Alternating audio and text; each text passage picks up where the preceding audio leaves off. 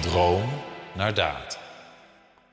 Beste mensen, welkom bij de podcastserie van Droom naar Daad, waar we in gesprek gaan met Delftse wetenschappers en hen bevragen naar hun werk, hun dromen, visie op de toekomst en de maatschappelijke context waarbinnen ze opereren.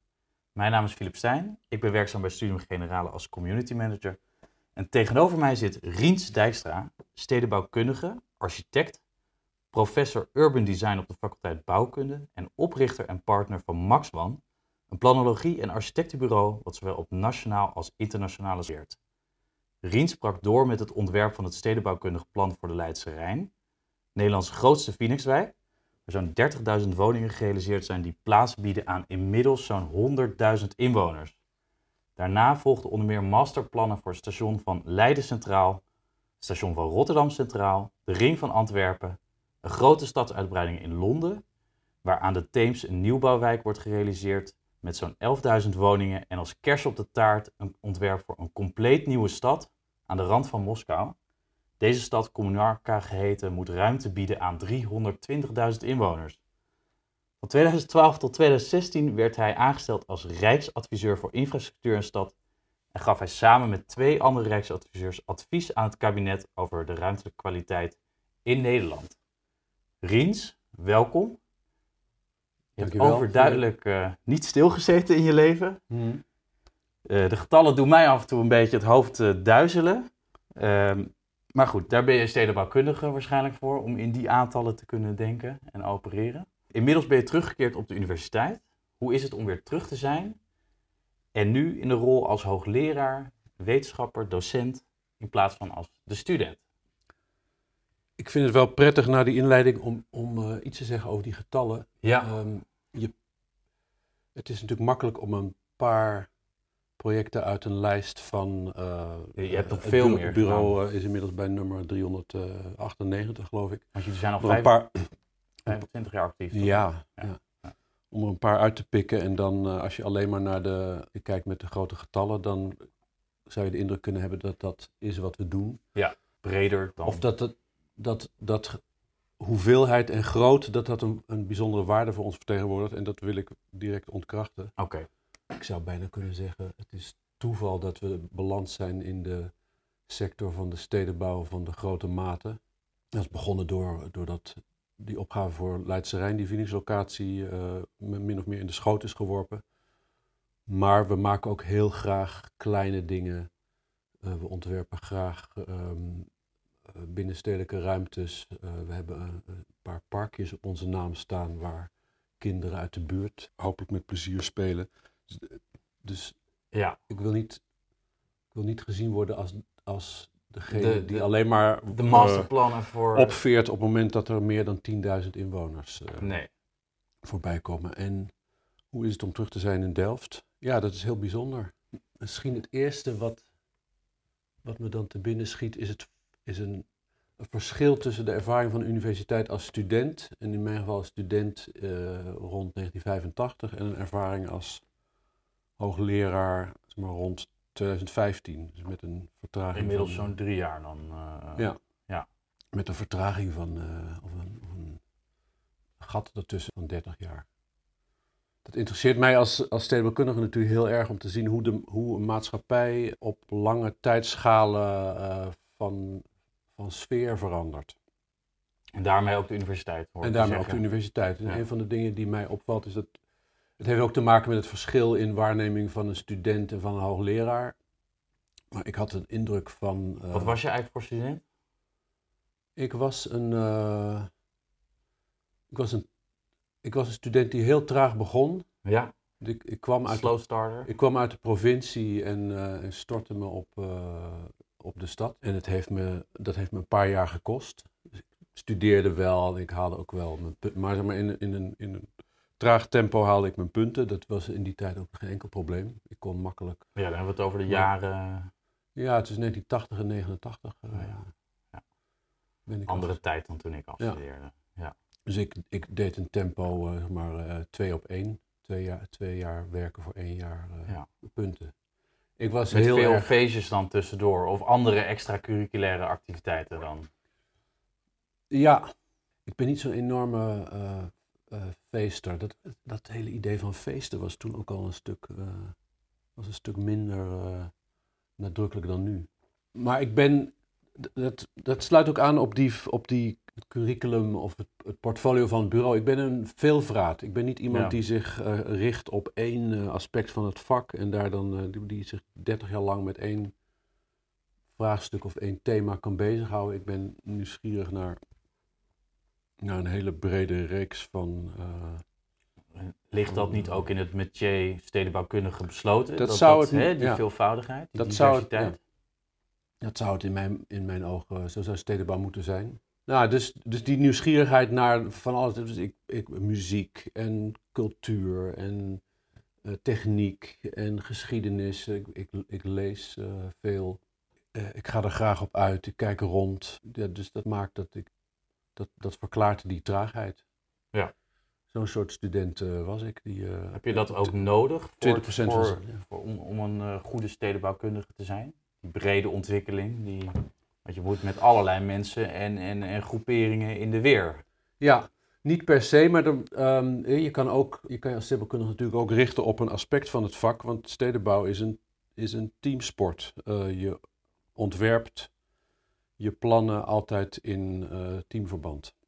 Hoe groot is een, een- ja, waar, waar hebben we het over? Ja, er zijn dan- waarschijnlijk te- teams en dan weer andere teams en subteams. En- Hangt natuurlijk heel erg af van, Ja. de, van de opdracht, maar het ontwerpteam voor een groot plan als, ehm, als Leidse Rijn of Barking Riverside of eh A101, zoals het bij ons heet in eh, Moskou, dat, dat is tussen de vijf en de tien man. Als je, langer er, als je er langer bij betrokken blijft en in de uitwerking terechtkomt, kan het nog oplopen.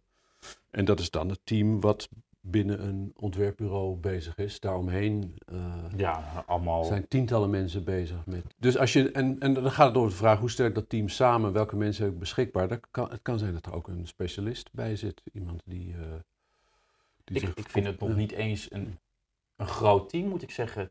Vijf à tien man op een stad van die Nee. omvang. Hè? Dat- Nee, dat komt dat je aanstuurt eh, of dat je plan gebruikt wordt om een volgende schil van, van partijen aan te, schu- aan te sturen. En dat als je dat allemaal bij elkaar optelt, dan kom je, Ja. kan het zich uitbreiden naar. We hebben het puur over de 50 of 100. ontwerpfase. Ja, hè? ja, Dat, dat is ja, waar we het ja, dan eh, ja, over hebben. ja. Kun je kort voor, voor ons schetsen als, als eh, luisteraar eh, hoe jij het, het ja, urban design inziet? Stedenbouwkunde. Het is eh, waarschijnlijk een grote vraag, maar Ja, dat is een goede vraag. Je- kun je ehm, compact... eh, Ik, ik zou zeggen, je, moet- je moet twee dingen in de gaten houden. Eén is het, het besef van het feit dat steden zich heel traag eh, ontwikkelen. Ja. Dus een, een, maar niet overal. Als we Mm. naar het buitenland kijken. Hè? ja, maar dan nog is het relatief, is het relatief traag. Er zijn allerlei varianten, maar de kern is, er, zit een, een, een, eh, er is geen traag ontwikkelen. Laten we het daar even op houden. Ja, oké. Ehm, en een tweede aspect is dat de, het ontwerp en het realiseren en het, en het eh, doorgroeien van een stad, zich, maar, zich ontwikkelen, het opgroeien van een, van een stad, dat dat een fenomeen is waarbij, of een proces waarbij ongelooflijk veel verschillende partijen, met de nadruk op verschillend partijen aan, bij betrokken Van zijn. bestuur, van een burgemeester tot bestuur, tot een, een deelraad of een, een. Je hebt- bewoners, eh, Ja, dus je hebt maatschappij in al zijn facetten, je hebt bestuur in al zijn facetten, je hebt ondernemers en, eh, en ontwikkelaars in al hun facetten, je hebt techniek in al zijn facetten, je hebt allerlei meer, meer pure technische vakken die met eh, eh, stedenbouw te maken hebben, zoals verkeerskunde en, en waterhuishouding en ecologie en eh, woningbouw en Ik volks. hoorde de metafoor van de bondscoach voorbij komen in een interview met, met haar. De bondscoach, zei zij. Zo, zo voelde, ik, voelde zij zich. In de zin, ja, ja. Nee. Herkent u dat? Ehm, Als in alle verschillende... nee, nee, dat ken- ken ik helemaal niet. Ho- hoewel ik, eh, Riek is me heel dierbaar, maar ik zou, ehm, ik zou het interview moeten horen om het te snappen. Maar bondscoach klinkt alsof er een... alsof- Iedereen tevreden stellen met allerlei verschillende groeperingen, de verschillende belangen die er allemaal, ieder streeft weer net, een- net een andere vorm of uiting na. Ja, En dat met elkaar zien te verenigen. Ja, ja, in die en zin, ja, een- ja. ja.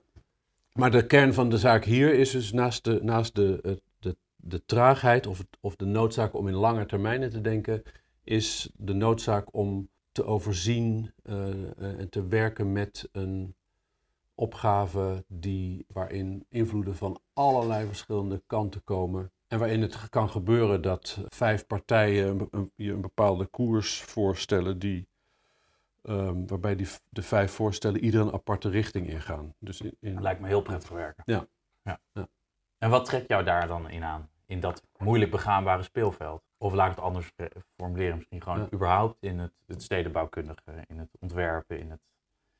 Ja, wat, nou, wat me daaraan aantrekt is dat ik mijn nieuwsgierigheid naar, eh, eh, mijn, nieuwsgierigheid naar een breed eh, scala van verschillende aspecten kan, kwijt kan.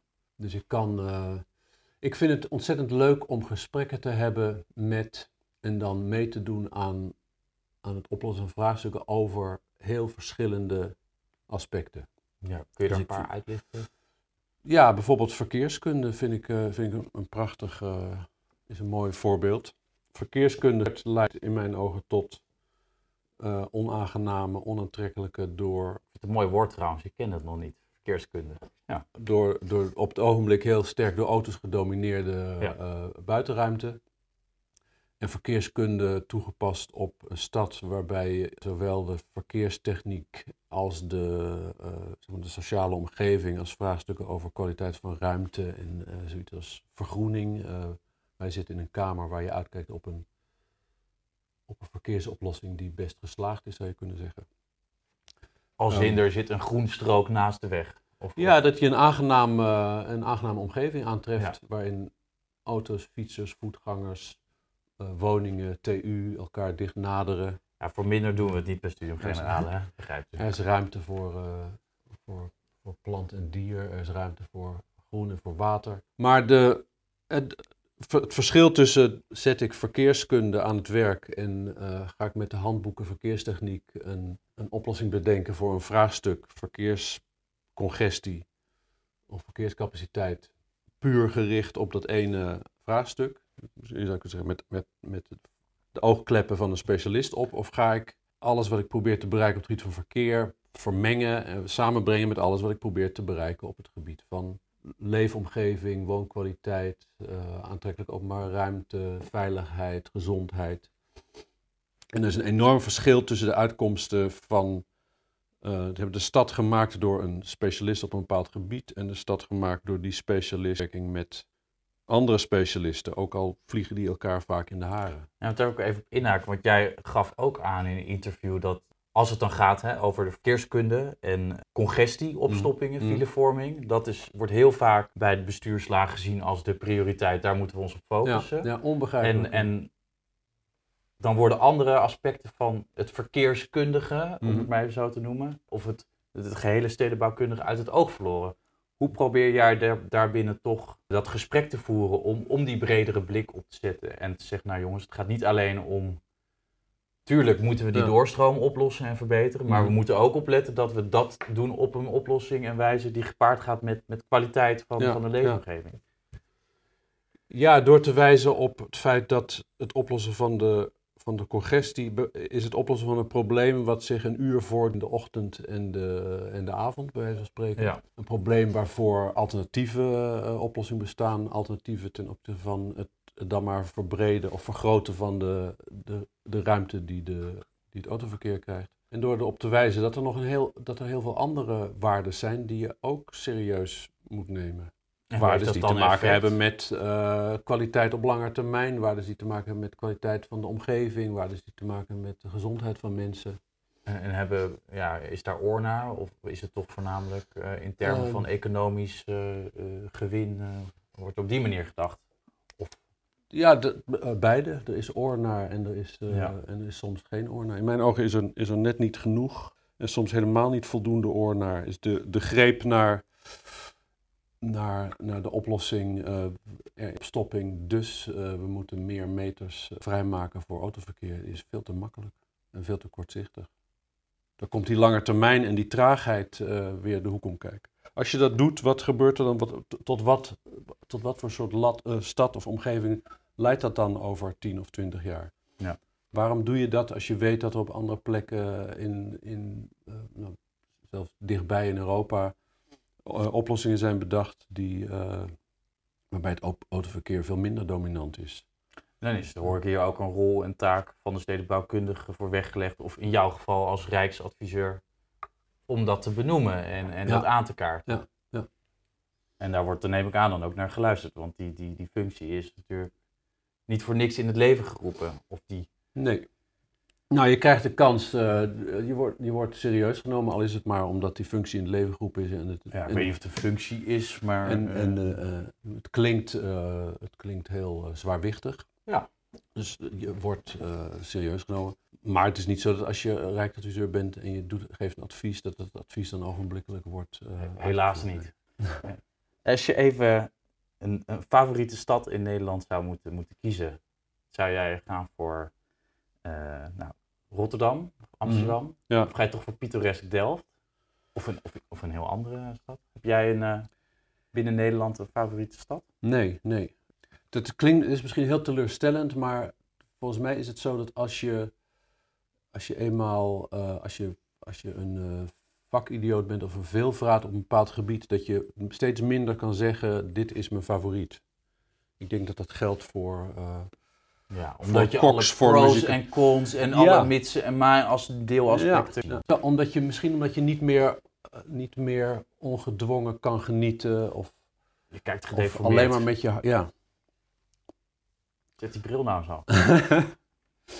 Dus ik, eh, het hangt van zoveel dingen af. Nou, laat ik dan anders stellen. Ik hou wel, Ja. ik hou veel meer van, ehm, of ik raak meer opgewonden van, eh, van, laat ik maar zeggen, van moderne omgevingen dan van historische omgevingen. Hoewel er momenten zijn dat ik verschrikkelijk kan genieten van, van pittoresk eh, Delft. Delft. Als ik nou kijk naar waar ik terug naar, naar toen ik vijf, zes, zeven, acht, eh, waar, waar ik, waar ik echt van, eh, van, van opgewonden raakte. eh, herinner 5, ik 6, me- 7, 8 heb je het over. ja, jaar oud. Ja. Dus ook als, eh, ook als, voordat ik een studie serieus begon na te denken over eh, mooi of niet mooi. Of, ik werd heel erg gegrepen door ehm, omgevingen als de haven van Rotterdam. Ik kan me herinneren ritten naar eh, de Middellandse Zee. eh, dat, dat deden we toen drie jaar, drie maanden of drie dagen over. Paard en wagen. drie dagen over door, door industrieel Noord-omgeving van Nancy en Metz. Ik, ik vind in Noord-Italië, bij. Lombardije, heb je heel lelijke stukken eh, industrie eh, Ja. rondom Milaan bijvoorbeeld. Ik vind het afgrijzelijk, maar eh, Ja, maar op een of andere manier boeide me dat enorm. Industrie, grote verkeersomgeving. Niet, dus niet mooi, maar wat is hier aan de hand? Wat, ik kwam uit een pittoreske omgeving en ik denk dat het... hoe bedoel je? Dezelfde- Pittoresk, Nou, ik ben opgegroeid in, eh, in eh, Zwolle, aan de rand van de stad. Eerst eh, aan de rand van de binnenstad, daarna aan, de rand- aan de rand van de, van de stad. Zwolle was toen een kleine stad. Met uitzicht over weilanden en eh, heel veel natuur en, en landbouw in de buurt. En ook waarschijnlijk een duidelijke afbakening tussen stad en platteland daaromheen. ja. Niet zoals die urban sprawl, die, die je, nou ja, wat ik net noemde bij, bij Milaan Ja. bijvoorbeeld. Dus ik denk dat het, dat het was, wat is hier aan de hand? Wat is dit? Waarom, waar komt het vandaan? Gewoon, ik wilde, het, het was compleet anders dan de omgeving die ik gewend was. En in plaats van weerstand leverde dat bij mij nieuwsgierigheid op. En, en dat, ik zoog dat op en probeerde te, te bedenken waarom dat... Hoe zich dat zo heeft kunnen Ja. ontwikkelen, Ja. zo'n gebied. Want wat vind je dan voordeel van ja, geslaagde steden of stedelijke omgevingen? Of een, een metropolis, ja. Of een minder geslaagd. Misschien Ja. kunnen we ook kijken naar een field city. Mhm.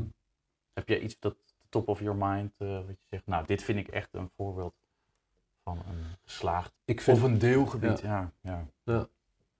ja, dan loop ik weer tegen hetzelfde, hetzelfde Ja, probleem ja, op. oké. Dat ik, eh, Ja, ik probeer je toch, toch een Ja. beetje eh, iets te raden, ja. Ik vind, eh, ik kan, eh, recente herinneringen van bezoeken aan, eh, aan steden omhoog halen. Ik heb een tijdje in, in het kielzog van een lezing die ik daar gaf, een anderhalve week in Tokio gewoond, zeg maar. Gewoon in, in, een- in iemands woning. Ja. En die stad ervaren en, er, en daar dagenlang rondgelopen.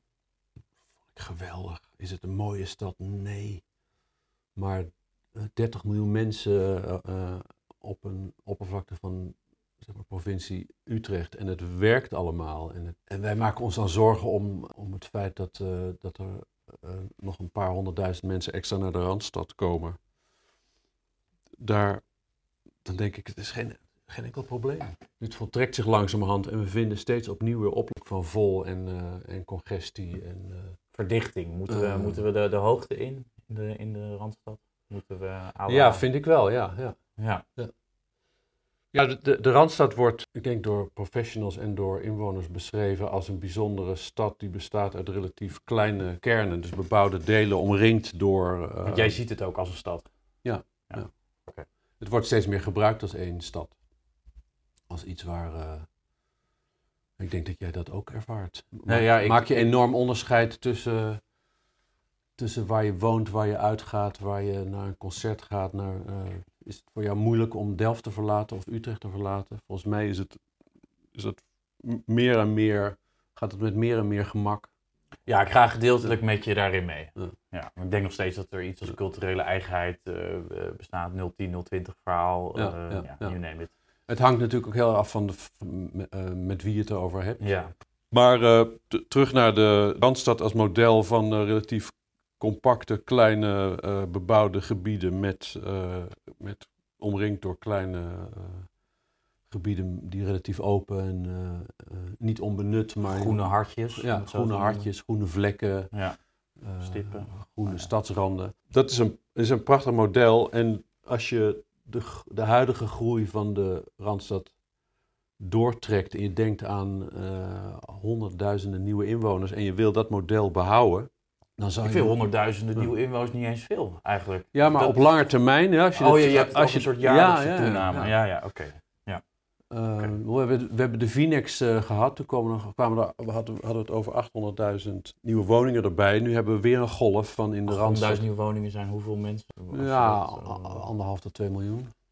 Veel eenbouwen, één En gezinswoningen verspreid dan ook, hoor ik. Verspreid over Nederland. Of één, persoon, één persoonswoningen dan ook. Ja, de, we, we veranderen heel erg. De, de, er was een tijd dat we met, gemiddeld met vier eh, mensen Ja. eh, in een woning, gemiddeld, hè, dus niet extreem, maar gemiddeld met vier mensen in een woning woonden. En die woning was dan een stuk kleiner dan die woning eh, die we nu bouwen. En, Of eh, met z'n achten in, een, eh, in de Jordaan, hè? Ja. in een eh klein... eh, Ja. Nou, dat is wel heel lang geleden. En eh, die gemiddelde de gemiddelde woningbezetting, dus het aantal mensen per adres, eh, neemt eh, af. En Ja. kan in sommige delen van de stad tot onder de twee zakken. En de gemiddelde ruimte die elke inwoner inneemt, neemt toe. Dat is welvaart. Een soort je voetafdruk of zo, Ja, om het ja. zo op die manier te schetsen. Dus, dus tegelijkertijd het aantal mensen groeit en de, wo- en de ruimte die ze per persoon voor hun woning vragen, kunnen, zich kunnen veroorloven, neemt toe.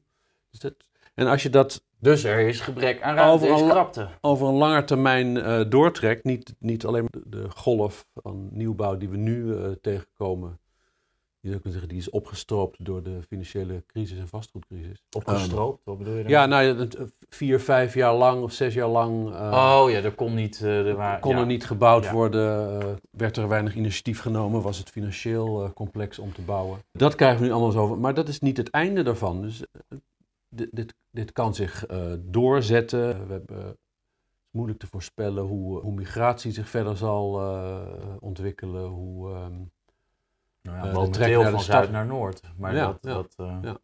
lijkt alleen maar meer te worden. Ja, Afrika groeit eh, in, in termen van eh, hoeveel het inwoners groeit als kool. Het zou heel goed kunnen zijn dat dat eh, moet met een aanhoudende eh, stroom van, eh, van migratie. Ja. Dat we dat we kunnen dat voor tot in zekere hoogte kunnen we dat kunnen we aan de knoppen zitten, kunnen we dat doseren of filteren, maar Ja, Italië vangt veel op. ondenkbaar is eh, dat we dat, dat kunnen blokkeren volledig. Nou, hoe dan ook, er zijn gewoon mogelijkheden voor, voor doorgaande groei van de Randstad. Van, het was 6 naar 8 naar 10 miljoen op dezelfde, in dezelfde ruimte. Ik vind het heel a- interessant om na te denken over de verdichting van de bestaande kernen, zodat die groene eh, plekken daartussendoor, dat dat we die kunnen behouden. In plaats van, laat het maar helemaal voor Ja, niet à la Los Angeles, Precies, je ja. eh. Volgens mij kun je uren rondrijden door een soort semi-urbane of urbane ja, omgeving. ja. Heb ik Met veel plezier gedaan? Wat ik, ja, ja met, met enorme nieuwsgierigheid gedaan. Ik heb In een Cadillac? Of, een aantal keren, eh, aantal keren nee, in een, in een eh, hele goedkope, efficiënte rentalcar. Ik heb een aantal keren les gegeven, een paar weken aansluitend les gegeven in, eh, aan SCIARC, een architectuuropleiding in Los Angeles. En in, in de tijd dat wat, ik deed dat met een collega van me, dan woonden we in Long Beach. Dat ligt een stuk ten zuiden van het, 50, 60 kilometer ten zuiden van de kern van het centrum van Los Angeles, waar SCIARC ook eh gehuisvest was. En we maakten elke dag, s ochtends een tocht heen en s'avonds een tocht met het kaartenboek op de schoot door die soms prachtige, soms verschrikkelijk lelijke, maar altijd ongelooflijk fascinerende uitgestrekte stad. En je je reed inderdaad urenlang door iets wat aanvoelde als buitenwijk, zonder dat je ooit de, de rand van de stad zag. En we zogen dat allemaal op. En ook, ja, daar, daar eigenlijk meteen op inhakend. Volgens mij heeft dat ook te maken tussen grootschalige planning, ruimtelijke ordening, wat, wat eh, staat, in de staat, door de staat geregeld is, Mhm. altijd geregeld was in Nederland. We hebben daar een Ja. soort traditie volgens mij. zo Ja, ja, een hele sterke. En in Amerika is dat meer losgelaten aan de markt. Volledig losgelaten. Volledig losgelaten zelfs. Ja, Ehm, hoe zie jij nou als, als ja, stedenbouwkundige en ook als dus ex-rijksadviseur voor infrastructuur en stad die verhouding tussen ook stad en landelijke overheid? Wat moet nou organiseren? Ik ben een sterk voorstander van het maken van, het ontwikkelen van een cultuur van kijken naar stad en land met de lange termijn Welke in termijn het, denken in we het aan? vizier. 20 Tientallen jaren. Dus, 50 jaar. dus we, we zouden eh, ook bij de overheid een groep mensen moeten hebben. Een, een kleine groep experts die de ruimte krijgen om bij te houden wat er gebeurt. Zich te laten eh, zich te informeren over welke trends er gaande zijn. En is wat die ruimte er niet? Want dat was toch In- misschien mede waar, waar, waar Nou ja. jij voor werd aangesteld? Of je hebt, ja, ik weet het niet hoor. Nou, het, volgens mij het college van Rijksadviseurs zijn, zijn eh, drie mensen die uit de wereld van het ontwerp komen, die een ontwerpachtergrond hebben. Dat is eh, eh, nu Floris Alkemade is architect, Daan Zandbelt is stedenbouwer, Berno Strootman is landschapsarchitect. Die hebben al, al tien jaar, eh, tientallen jaren in het vak. En ze hebben een kleine staf om zich heen waar ook een aantal ontwerpers in zitten. En dat is eigenlijk wat de, dat is het. ja. Ja. Terwijl, en, en de, de groep, wat ik graag ruimtelijk denkers noem, dus het moeten niet per se ontwerpers zijn, maar mensen die op een of andere manier het, het denken in, in eh, eh, ruimtelijke constellaties. eh, dat doe je toch als ontwerper? Ja. Toch? Dan ben je toch een ruimtelijk maar de ontwerper, ontwerper is ook iemand die echt, die dan die voorstellen tekent, beschrijft voor oplossingen Ja. van, van volgende vraagstukken. Dat hoeft niet per se binnen de overheid, maar het denken over wat is er aan de hand, welke kant gaat het op. Als het, als het tientallen jaren die kant op gaat, wat gaat er dan gebeuren? Als technologische trends of sociologische trends of cultuur, als die zich doorzetten, wat, gaan we, wat krijgen we dan over ons heen? Dat Daar denken, mag meer op gestuurd worden. daar, daar, moet in ieder geval, daar moet in ieder geval flink op onderzoek. En dan moet er afgewogen worden, eh, gekeken worden naar wat zijn, wat zijn nou handige, slimme oplossingen om, of slimme antwoorden om in te zetten, om, om, te, om aan te sturen op wat we graag willen. ja. En ik heb de indruk dat omdat het politiek en bestuur is en die cyclus, die vierjaarscyclus, daar een, een sterke Zouden moeten rol in speelt. Na acht jaar. Ik roep maar iets. Je hè. moet los van die, je moet los van die, Ja, van die, ja. van die politieke cyclus. Hey, Als we dan toch even naar de toekomst gaan, want daar zijn we nu een beetje aan, aan beland. Als je het orakel van Delphi één vraag mag stellen over Mhm. de toekomst eh, van de stedenbouw, wat zou je dan eh, vragen? Ik denk dat ik een vraag zou stellen die, heel, die sterk hiermee te maken heeft. Gaan we in de toekomst, gaan we ons, de, de manier waarop we ons land inrichten, gaan we dat laten afhangen van wat we goed vinden op lange termijn? Dus gaan, we zeggen, dit is een aantrekkelijk, dit is een aantrekkelijk ruimtelijk maatschappelijk model. Eh, zullen we daarop aansturen? Of gaan we, die, gaan we ons richten op het oplossen van een probleem wat zich vandaag voordoet met een antwoord wat we nu kunnen geven? En gaan we onze steden, blijven onze steden ontwikkelen als een aaneenschakeling van het oplossen van, van een probleem wat zich nu voordoet met een, met een techniek die we nu beschikbaar hebben? Visievorming heb Ja. je het eigenlijk Ja. over. deels ook utopisch ingestoken. Je Als- moet je, een als- la- als- je moet als je een, verbeelding, je hè? moet je een Om land- je moet je- verbeelding- ja, Oh, stel je een landkaart voor. En er Ja. ligt tussen, eh, je bent een hongerige reiziger en er ligt, dat weet je, een eind verderop ligt een vallei met vers water en veel fruit. Ja. Je hebt geen landkaart, maar je weet dat daar ergens ligt dat. En je eh, hebt een keuze over hoe, hoe te eh, manoeuvreren. Dan kan je je best doen om dat landschap in kaart te brengen. Dan zal je ontdekken dat er een forse bergketen ligt tussen, of een, een kloof ligt tussen jou en de, en de vallei met, eh, met, met water en voedsel. En het betekent dat je gaat voorbereiden op het feit dat je een brug moet bouwen. Of het betekent dat je een route rondom de kloof gaat vinden. Dat, dat lukt je als je op een of andere manier een beeld hebt van, van de obstakels die voor je liggen. Als je dat niet doet en je kijkt gewoon een meter voor je uit waar is het best begaanbaar? Of waar moet ik naartoe met een kompas? En je, en je laat je alleen maar richten op de makkelijkste volgende eerste stap. Dan kom, loop je uiteindelijk vast op die kloof en kom je nooit aan de overkant. En dat, Dus het Eh. gaat om nadenken op lange termijn en, en zoveel mogelijk anticiperen op wat er in de toekomst gebeurt. En dan de slimme oplossing bespreken. in hoeverre zie jij dan ja, stedenbouw als volledig planbaar of effectief planbaar en maakbaar? Je Ehm, ik weet ook dat in Saoedi-Arabië, je hebben ja, een beetje potsierlijke naam, de King Mhm. Abdullah Economic City, uit Mhm. de grond gestapt. Mhm. Prachtig uitziet, maar de be- bewonersaantallen lopen daar flink, nog flink tegen. Mhm, mhm. Evenals de economische, volgens mij is het niet zo'n Ja. economic city. En ze zijn zelfs bezig Ja. met een plan, dat heet Ne- NEOM of NEOM. Mhm, Stad die drie- 33 keer zo groot moet worden als New York City. mhm. Volledig zelfvoorziend moet zijn op vlak van energie. Ja.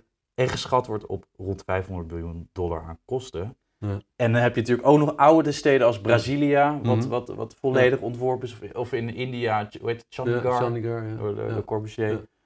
Nee, maar dat Hoe ver kunnen we, wij dat mensen... Ja, Eh, dat, is een, dat, is een, ehm, dat levert een vals beeld van stedenbouw op. De, laten we zeggen, de stedenbouw waar, waar wij ons voor gesteld zien, is er een van eh, het in kleine stappen, maar als je het lang volhoudt met veel effect, eh, sleutelen aan iets wat al in, in, in zijn hoofdvorm bestaat.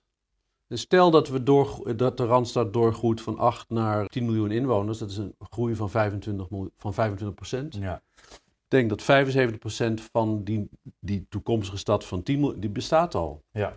En eh, als mensen vragen hoe ziet de stad van de toekomst eruit, dan is het eerlijke antwoord is die ziet er hetzelfde uit als de stad van nu, met een paar kleine eh, Modificaties. modificaties. En nu is de vraag, welke kant gaan die modificaties op? En volgens mij moet je, je moet je daarbij, denk ik, richten op heid. Oké. Dus het e- enige, het is het, het meest De zekere eh, stuur wat je in handen hebt. Dus doe het nou op zo'n manier dat je, dat je geen dingen kapot maakt voor, voor volgende generaties. Doe het op zo'n manier dat je, mi- middel, dat je, dat je dingen niet verstoort voor, eh, voor, het, voor, het, Ja. het kunnen doorgroeien van een maatschappij. Ik, ik knip even met mijn vingers. En je bent, eh, ja, je bent nu in slaap. En ik, Mhm. ik knip er weer mee. Je Mhm. wordt wakker. En we leven nu anno 2050. Hoe ziet dan jouw ideale stad eruit? Of welke idealen zijn daar dan in verwezenlijkt? Die ideale stad is er een waarin mo- het, moet, het moet aangenaam zijn, heel prettig zijn om in eh, aantrekkelijk te zijn, zijn om behoorlijk hoge dichtheid, dus met veel mensen op een kleine ruimte eh, samen te leven. Dus de kwaliteit van de woningen moet goed zijn, eh, de kwaliteit van de uitzicht van woningen, de kwaliteit van, van de directe omgeving, wat je allemaal kan aantreffen als je naar buiten stapt. Nou, hoe ziet dat er, eruit, die dan, die omgeving? In het ideale geval denk ik aan een omgeving waarin de, de ontwikkelingen van de techniek hebben gemaakt dat het bewegen door de stad, dus autoverkeer, openbaar vervoer, fietsen, wandelen, dat dat heel erg sterk, heel erg sterk gestroomlijnd is en niet meer heel efficiënt is en, en eh, Een soort groene golf of van zo. bovenaf aangestuurd. Doe je dat? Groene golf, zeg maar? Minder, ru- minder ruimte, letterlijk minder ruimte, maar ook in termen van, van lawaai en luchtkwaliteit, ruimte nu doet. De gro- grote routes door de stad zijn nu eh, vier tot zes baans autowegen die, die verschillende stukken stad uit elkaar knippen, die enorm veel herrie maken, die een onaantrekkelijke ruimte opleveren. Die heel veel, heel veel ruimte en milieuruimte in beslag nemen om in ten koste van, eh, van de kwaliteit van de directe omgeving. En als ik jou nou nu een zak met geld geef, en met elk interview sleep ik die zak met Mhm. geld mee. Mhm. Ter waarde van 100 miljoen, maar is Ja. misschien in de stedenbouw weinig. In de stedenbouw is Dus dat, ja. Dan gaan we gewoon wat Nee. opkrikken. Ja. Eh, even een onvoorstelbaar bedrag, 10 biljoen of zo. Nee, dat is dan weer absurd. Nee, dat is, Eh, nou, het is, eh, nou, Wat is een mooi bedrag waar jij denkt, hè, daar kan ik nou, daar kan ik nou wat mee. En, en dan ben ik benieuwd, eh, wat zou je dan met dat, met dat bedrag doen? Laten we zeggen een miljard of zo. Of is dat ook te weinig? Dat, dat weet ik dan niet. Ja, het is de verkeer. sorry, maar het is niet de juiste vraag. Oké. Ehm, want eh, het ontwikkelen van steden is het in, in kleine stappen lang volgehouden sleutelen aan, eh, aan de eh, ruimtelijke inrichting. Dus het gaat niet om grote bedragen, het gaat om het, om het over langere periode met, met een bepaald doel in, voor ogen volhouden van of uitvoeren van, van een gekozen beleid. Dus het gaat om de vraag: wil ik de stad over tien jaar wil ik hem gezonder hebben dan nu of nu of niet? Wil ik hem groener hebben dan nu of niet? Wil ik hem klimaatduurzamer hebben dan nu of niet? Wil ik dat er meer mensen ruimte wonen dan nu of niet? Wil ik dat, die, eh, dat de groei van de stad ten koste gaat van het, de groene omgeving van de stad die, zoals die er nu is of niet? Eh, wil ik, eh, welke richting wil ik economisch opslaan, inslaan? Eh, wat moet ik doen om die stad aantrekkelijk te krijgen voor de economie die, er, die, die we over twintig jaar eh, Ja. kunnen verwachten? Hoe, hoe trek ik een mengsel van, eh, van hoogopgeleid talent en, en lager, opgeleid, lager opgeleide arbeidskrachten aan? Hoe voorkom ik dat die stad helemaal uit elkaar valt in enclaves van rijk en minder rijk? Nou ja, je hebt, dat jij zijn- hebt bijvoorbeeld nu wel een boel geld. Dan kan je misschien, ik zeg maar, misschien is dat dan heel plat. Je zegt, joh, ik ga alles ondergronds doen. Alle, al het vervoer. We hebben gewoon lekker, boven, ik, eh, om een soort plaatje te schetsen hè, van Ja, de stad van ja. de toekomst. Ik vind Dat- de Noord-Zuidlijn wel een, eh, een, een aantrekkelijk onderzoeksonderwerp. De, de, je, je leest nu, die binnenkort geopend wordt, veel, veel kritiek over hoe lang het geduurd heeft, hoeveel Ja, het gekost NRC is behoorlijk kritisch. eh, Ik ben heel benieuwd over hoe we daar naar, ehm, over eh 10 of 20 jaar naar kijken. Ja. Ik denk als je Amsterdam overeind wil houden en als je het de groei mogelijk wil maken, is Noord-Zuidlijn is een godsgeschenk. Je, je komt er absoluut niet als je dat soort ingrepen niet uitvoert. Hoe kan het dat het centrum van Londen, en dat is een stad een factor bijna 10 groter dan de steden die wij in Nederland hebben, dat het centrum van Londen toch nog leefbaar is. Natuurlijk is het druk en er rijden ook veel auto's, maar het is toch leefbaar. En naar de city reizen ongeveer 90% van de mensen heen en terug zonder auto. Als, het, als ze het met eh, de auto zouden, zouden moeten doen, in de verhouding die we in Nederland gewend zijn, zou het absoluut onwerkbaar zijn. dat laatste volg ik niet helemaal. Als je- Nou ja, de verhouding die we in Nederland... In Nederland reizen eh, pak een beet eh, eh, 80 tot 85 procent van de mensen in de Randstad met de auto naar hun werk. Ja. Dat is in een grote stad is dat ondenkbaar. Absoluut onhaalbaar. In een grote metropool. Een grotere. Qua filevorming Ja, ja, bijvoorbeeld. ja. Je krijgt het gewoon niet, je krijgt het gewoon niet verwerkt. En dat lukt in Londen omdat ze een geweldig systeem van eh, ondergronds openbaar vervoer, bovengronds openbaar vervoer hebben. Bussen, bijvoorbeeld. Bussen, eh, treinen op allerlei eh, schaalniveaus. De hele eh, ondergrondse doet natuurlijk enorm veel werk. En als je van plan bent om te blijven groeien, je op grote stappen moeten zetten. Of je moet kiezen voor de oplossing eh, eh, Moskou. Eh, en dat betekent dat je 's ochtends, als je buiten, een eindje buiten je, de stad woont waar je werk is, dat je twee uur lang gaat doen over je autorit. Ja. Niet een, een wenselijke situatie voor de meeste mensen. Nee, nee, nee. Maar Nee, als je, dat, die, als je dat niet wenselijk vindt, dan kan je toch relatief makkelijk voorspellen wat voor kwesties, wat voor vraagstukken zich voordoen. Moet je gaan inrichten op eh, een antwoord daarop. Maar wat zijn dan ja, die grote transformaties die de, de stad... Ja, je hebt- noemt net al als grootste uitdaging duurzaamheid. Dus de, de- ook de energietransitie. Ja, ja. Zijn nog, er zijn een heleboel uitdagingen namelijk. Ik Ja, zal ze ja, niet allemaal ja. opnoemen. Maar er zijn nog andere dat jij denkt, ja, die vind ik ook... eh, Ja, je hebt, je hebt de groei en de transformatie. Dus steeds meer mensen bouw ik daar, bouw ik nieuwe stad, bouw ik een stad eh, door de stad laten uitdijen. Dat noem ik dan groei. Bouw ik nieuwe stad door de bestaande stad te veranderen, transformatie. Ja. Je hebt het vraagstuk van uh, klimaat, je hebt uh, energietransitie en circulariteit, dingen die met duurzaamheid te maken. Je hebt automatisering. De zelfrijdende auto bijvoorbeeld is een, is een grote ontwikkeling die ons al over tien jaar of misschien pas over vijftig jaar ja. veel ingeeft. Je hebt grote sociale kwesties. dat gaat over de verdeling, verdeling van geld en ruimte tussen mensen met middelen, veel middelen en mensen met minder middelen. Ja, ongelijkheid dat zich wellicht uit in sociaal-economisch betere of minder, hoe je dat natuurlijk al bestaat, maar uh, wat, wat zich ver verder kan ver, uh, ver voltrekken. Dat zijn eigenlijk de grote uh, vraagstukken. Ja, mooi. Um, ja, ik was ook even benieuwd naar het, het, het fenomeen Star, Starchitects. Ik weet niet of ik het mm goed uitspreek. Ja. En ik wou daar ook aan koppelen, de, de, de, ja, het lijkt wel een soort menselijke drang die we hebben om alsmaar hoger te bouwen, mm excentrieker. Mhm. Een soort van wie heeft de grootste. De, de, de Burj Khalifa nu, Dubai, mhm. met 828 meter en 163 verdiepingen.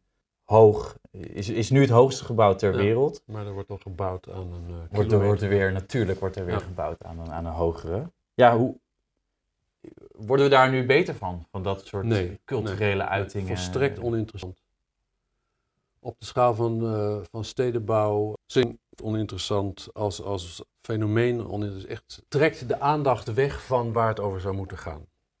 Dus in de wereld van architectuur is er wel opwinding. Het is wel leuk om te zien, uh, zou je kunnen zeggen, dat er. Maar het, het heeft. Dit is showbusiness. Ja. ja. Nou, want ik kan het me doet, voorstellen. Het doet niets voor de, voor de, uh, de stad en de vragen van de stad waar we echt mee leven. Het leidt eigenlijk eerder van af. Dus in plaats van de vraag: is dit een oplossing? Is dit een manier van bouwen die een oplossing geeft, uh, biedt op de vragen die we hebben? En, en een soort van eerlijke verdeling, uh, dus een oplossing voor zoveel mogelijk. Zo groot mogelijk. Voor de maatschappij in totaliteit in plaats van de oplossing. Dit is een speeltje voor rijken. Ja, het is iets wat je nu wel vaak ziet. Elke stad lijkt bijna zijn eigen landmark eh, te moeten hebben. En uh, ook, ja, nou ja, ik, uh, het aaien bijvoorbeeld in Amsterdam vind ik best esthetisch plezierig voor het oog, zeg maar, om het zo, zo te noemen. Dus het is een opkomst die je wel ja. Maar ik zie nog tussen AI en, en de Burj Khalifa. Ja, oké. Okay. AI, is een, het is, wel... AI is een publiek gebouw. Uh, je kan er altijd je kan er binnenlopen. Je, uh, het is educatief, heeft een culturele betekenis. Dat heeft, dat heeft een, uh, tegenwoordig nog een zekere waarde. Ja. Ik kan me wel voorstellen als architect dat het ook... Waar het over zou moeten gaan in plaats van over de, het hoogste gebouw is, is welke, welke stad maakt de beste straat een, soort, een plein of een boulevard in het centrum waar een klein, klein, waar een klein percentage van de mensen en heel veel toeristen op afkomen. Gewoon de gemiddelde straat, hoe ziet die eruit? Is die vol geparkeerd met auto's aan twee kanten? Is de stoep nog maar een meter breed? Is die volledig verhard zodat er geen water kan inzijgen? Uh, is die te klein om uh, uh, en, en, klimaat, in, in termen van omgevingskwaliteit, klimaat te slecht om bomen een kans te geven? Is hij zo verkeer gedomineerd, snel verkeer gedomineerd, dat kinderen uh, door hun ouders niet alleen op straat gelaten worden, ook als, als ze twaalf zijn en redelijk voor zichzelf kunnen. Of is het een groene straat die wateroverlast uh, aan kan, waar ecologie een, um, een kans krijgt, waar je goed kan fietsen, waar je buiten kan spelen? Dat is, dat is de belangrijke vraag. Eigenlijk dat de straat ook het, het leefdomein is of zo. Ja, de straat is 95% van de de door ons allemaal gedeelde ruimte van de stad. De Burj Khalifa is, uh, is voor 0,2% van de superrijken. Zeg maar. Dat is de... Even daarop op inhaken, uh, we spenderen steeds meer tijd binnen volgens mij. Neem ja. jij dat mee in? Want, want ja, dan hè, de straat. Ja. Nou, de straat is dus heel belangrijk, maar mm -hmm. tegelijkertijd zien we de trend dat mensen zich naar binnen, uh, ja, in huis, achter de laptop zitten. Ja. In plaats van buiten op straat of kinderen die niet meer buitenvoetballen. Ja. Maar er zijn plekken in Nederland, um, in de binnen... Ik moet denken aan, uh, aan uh, straten in, uh, in kleine straten in de binnenstad van Leiden bijvoorbeeld, waar de druk van het autoverkeer beperkt is, omdat, om, omdat het, het, hebben van auto's, het rij- rijden van auto's niet, niet overheerst. Waar de straat is ingericht met, met relatief veel groen. Waar mensen, als het weer is zoals we het vandaag hebben, aan het eind van de dag een stoel naar buiten trekken. En eh, de straten die de mensen als hun, eh, als hun terrasje of hun voortuin eh, gaan zien. Kun je hoog bouwen en dat aspect behouden Ja. in de straat? Ja. Dat is mogelijk. Ja. Ja. Oké. Dat ziet er dan iets anders uit, maar dat zou wel het streven moeten zijn. Ben je Kowloon City? Kowloon. Kowloon City. Ja, volgens mij wel. Eh, Ik vond het heel interessant naam. Ja. Ik kwam erop bij mijn research. De anarchistische stad die bij Hongkong was neergezet. Mhm. 50.000 inwoners die in 300 met elkaar verbonden hoogbouwgewoningen woonden zonder ja, contributie van een enkele architect. dun, hè? Het Woon dun, ja, het is gesloopt, ja, inderdaad. En, en zonder regulering door de... Eh, ik was even benieuwd. Kun je daar nog bepaalde parallellen of lessen uit trekken? Of uit zo'n gekke constructie? Het was volgens mij ook het dichtstbevolkste gebied ter wereld. Ja, Stel je voor, dus Ja. niemand heeft daar een soort masterplan uit de grond. Zo. De les die je daaruit kan, kan, trekken, wat mij betreft, is dat mensen ongelooflijk flexibel zijn. Ja, En, en eh, bizar die foto's ook trouwens. dat ze zich. Je kan je niet voorstellen onder wat voor omstandigheden mensen wonen, hoe anders dat is van wat jij gewend bent. Maar tegelijkertijd is een samenleving in staat om binnen een paar generaties een manier te, te leven. Wij zeggen wel dat eh, Nederland is een relatief klein en rustig eh, en, en niet zo heel erg stedelijk land. En zo moet het blijven, want eh, dat vinden we prettig en zijn het gewend. Maar je, je moet je voorstellen dat, er, dat je met het grootste gemak binnen een paar generaties een heel andere samenleving kan zijn. Dat, dat, we, dat we in hoog tempo kunnen wennen aan, eh, Ja. aan nieuwe omgevingen. Nou, het is grappig dat je dat zegt, want ik heb zelf dat ik, ik, ik in Nederland zie ik een beetje als een soort menselijke maat. Hè? Ja. Neem nou Amsterdam Ja. bijvoorbeeld. Ja. Nou wordt Rotterdam dan wel op Manhattan aan de Maasgroep, maar Ja. het zit een paar hoge gebouwen, maar het is echt geen Manhattan. Ja. Ik vind dat we ook wel fijn dat het, dat het, het redelijk ja, ge- Ja. geordend is en eh, niet te hoog. En, maar eigenlijk zeg je gewoon, ja, weet je, jouw kleinkinderen die, die wennen eh, moeiteloos Ja, aan een ja, nieuwe, veranderende ja, omgeving. ja. Wat dat betreft. Ja. En ik zelf misschien maar.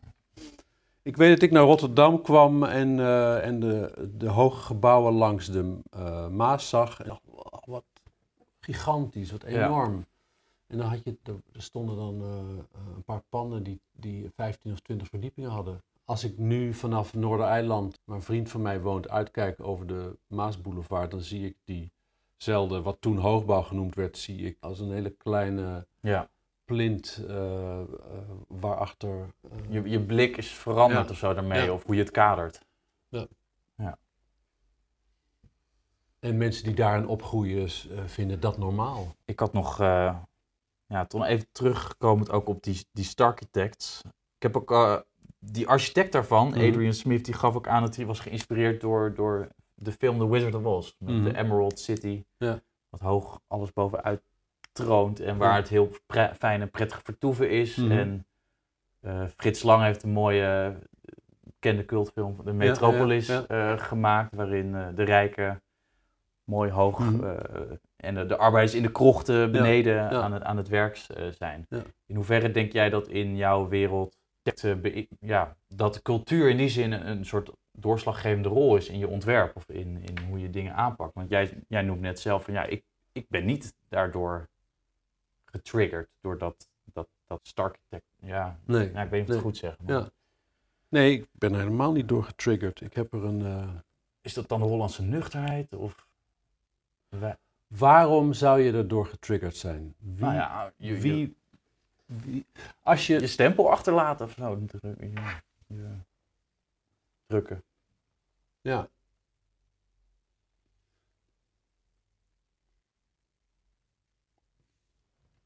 Maar goed, jij bent er niet door getriggerd. Dus. Nee, ik vraag me, wat voor waarde vertegenwoordigt dit? Ja. Het is, het is ongelooflijk veel geld uitgegeven ten bate van een oplossing die niet te herhalen valt, die gefinancierd wordt door een, door een superklein eh, gedeelte van mensen met zoveel geld dat het niet uitmaakt. Substrata. Het heeft, weet je, het heeft niks met de stad te maken. Ja. Het heeft echt niks met de stad te maken. Dus wat is de stad? Is in ieder geval niet dat, een heel kleine puissant rijke Ja. bovenlaag die Precies. bepaalde iconische landmarks Ja. neer gaat zetten. Ja. Waar je misschien wel van kan genieten. Ja, Als, hè, als, als, als, eh, bezoeker of Ja. als inwoner. Nee, als een, eh, als een soort van eh, excess is het, eh, kan het je eh, ehm, aanspreken en kan je nieuwsgierigheid bevredigen. Ik heb gekeken naar filmpjes van skydivers die vlak voordat de boers af was, s s'nachts door de beveiligingslinies braken en Oh, ja. dan omhoog klommen. Om, om s ochtends vroeg in de schemering van, van het hoogste topje. Fantastisch, fantastisch. Maar het heeft niks met, met de, de vraagstukken van de stad te maken. Nee. Die stad gaat daar, moet daar niet over gaan. En het trekt wat dat betreft veel te veel aandacht weg van waar het echt over zou moeten gaan.